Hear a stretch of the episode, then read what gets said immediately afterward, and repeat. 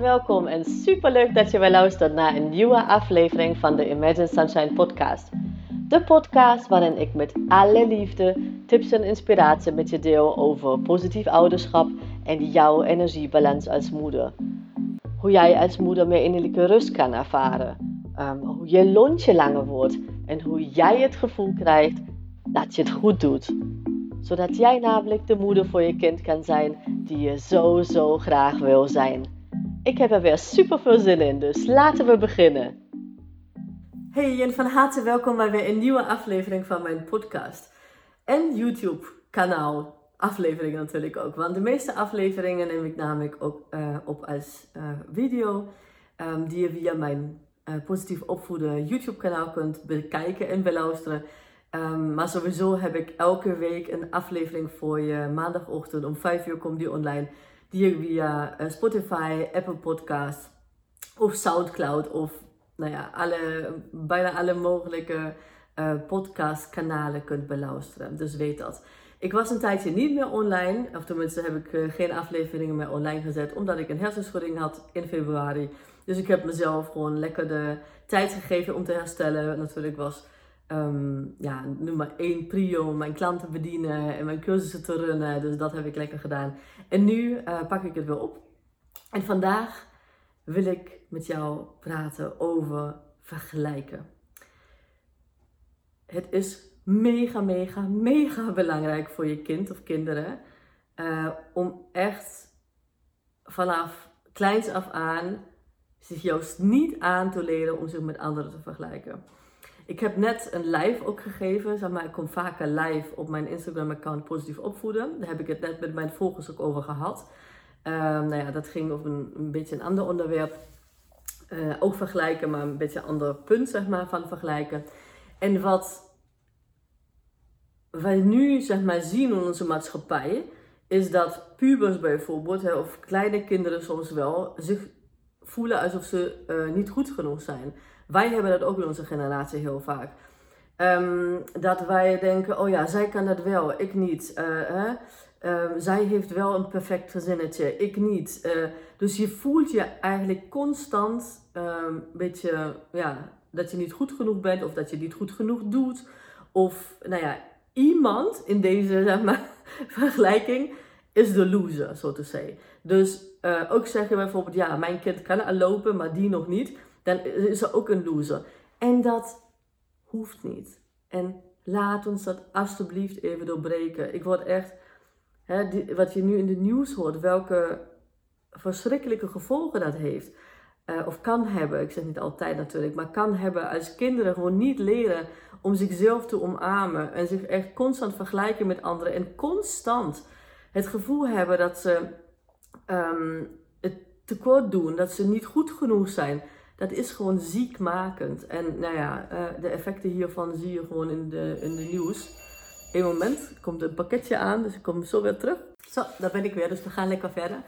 Ik had het net over de verschrikkelijke effecten die um, als je kind zichzelf gewoon vergelijkt, of als kinderen zichzelf vergelijken met anderen, en altijd het gevoel hebben dat ze tekortschieten, dat ze niet goed genoeg zijn, dat ze niet waardevol genoeg zijn, dat ze niet zichzelf mogen zijn, maar altijd moeten proberen om uh, op alle vlakken, zeg maar, um, de beste te zijn. En wat dat kan hebben. En natuurlijk spelen ook dingen zoals bijvoorbeeld filters op Instagram een rol. Op uh, Facebook, weet ik veel allemaal. Um, maakt eigenlijk helemaal niet uit. In die zin van, kijk, dat zijn dingen, dat, dat is gewoon, it, is what it is. Hè? Dus je kunt gewoon heel veel energie stoppen in, um, in dat te veranderen, zeg maar. Maar je kan ook wel je energie stoppen in wat kan ik eigenlijk hier aan doen? Bij mijn kind vooral. Hè? En zo heb je een veel grotere impact, zeg maar, invloedcirkel, dan dat je probeert om te veranderen dat er geen filters meer zijn. Want ik geloof er niet in dat dat nog überhaupt gaat, ooit gaat gebeuren, dat er geen filters meer zijn. Misschien wel, misschien niet. En als je daarvoor in wil zetten, prima. Maar het belangrijke is, in mijn mening tenminste, is dat we gewoon kijken, oké, wat is de oorsprong van het hele verhaal. Niet van, um, nou ja, tenminste elke volwassene. Ik ken geen volwassene die denkt, die echt, als die echt naar kijkt, uh, naar iemand die zeg maar een filter overheen heeft over zijn gezicht, die denkt van, oh ja, die ziet er zo uit. Ik bedoel, je ziet zelfs dat er een filter overheen is. Ik weet niet hoe dat bij kinderen en volwassenen zo is.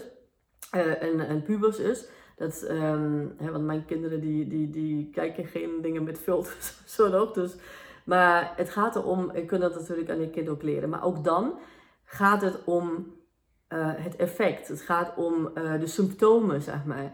Um, en niet om de oorsprong. De oorsprong is juist om te kijken, oké, hoe blijft de kind bij zichzelf? Hoe houdt het op om zichzelf op een manier zeg maar, met anderen te vergelijken dat het zich slecht voelt? Of andersom, dat het probeert zich beter te maken uh, en een ander daarbij de loser is, zeg maar. Dus wij, wij gaat het echt om die vergelijkingen waar je waar één iemand, of je kind, of jij, of uh, een ander, zeg maar, als loser uit het hele verhaal komt.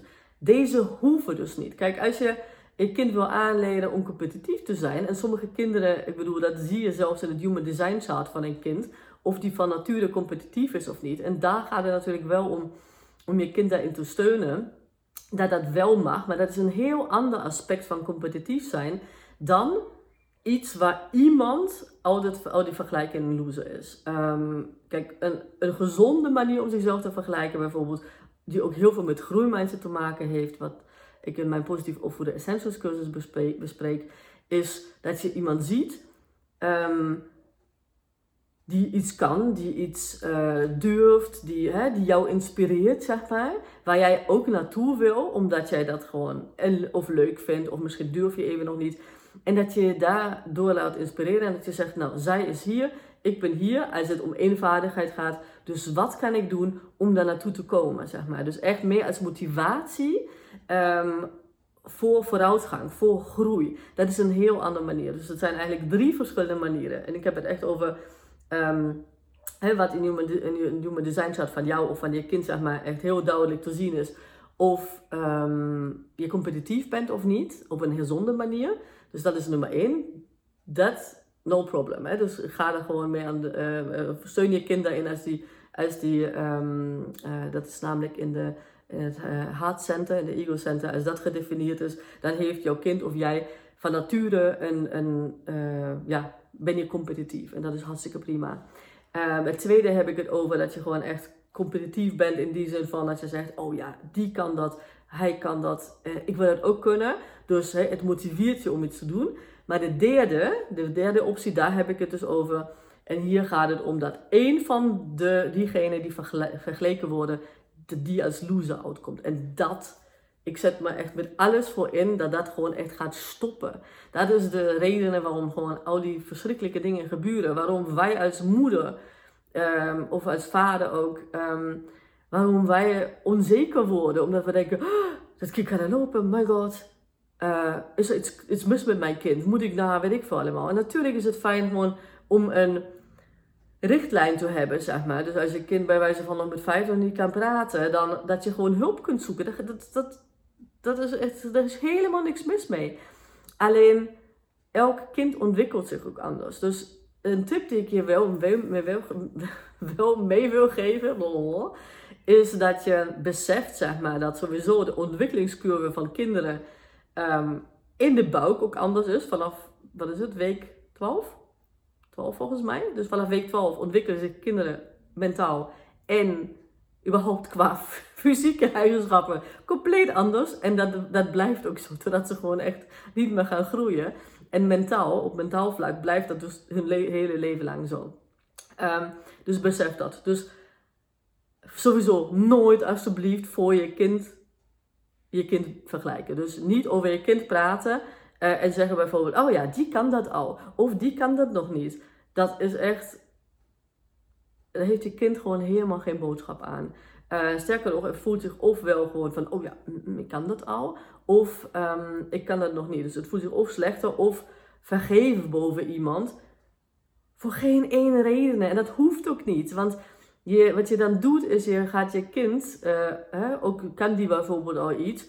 Um, je geeft je, de boodschap zeg maar, aan je kind eigenlijk dat die, doordat hij iets doet, dat die beter is dan iemand anders. Complete nonsens. Het gaat juist erom dat je kind zich omarmt als die persoonlijkheid die hij of zij is.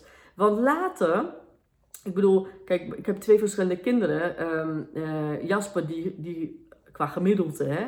Uh, ik vergelijk mijn kinderen dan niet, maar ik doe dat nu voor de, voor de case. Um, die, die, die liep vrij laat. En Daan heel snel. Zeg maar, als je de, de, de, de, gemiddelde um, erbij pakt.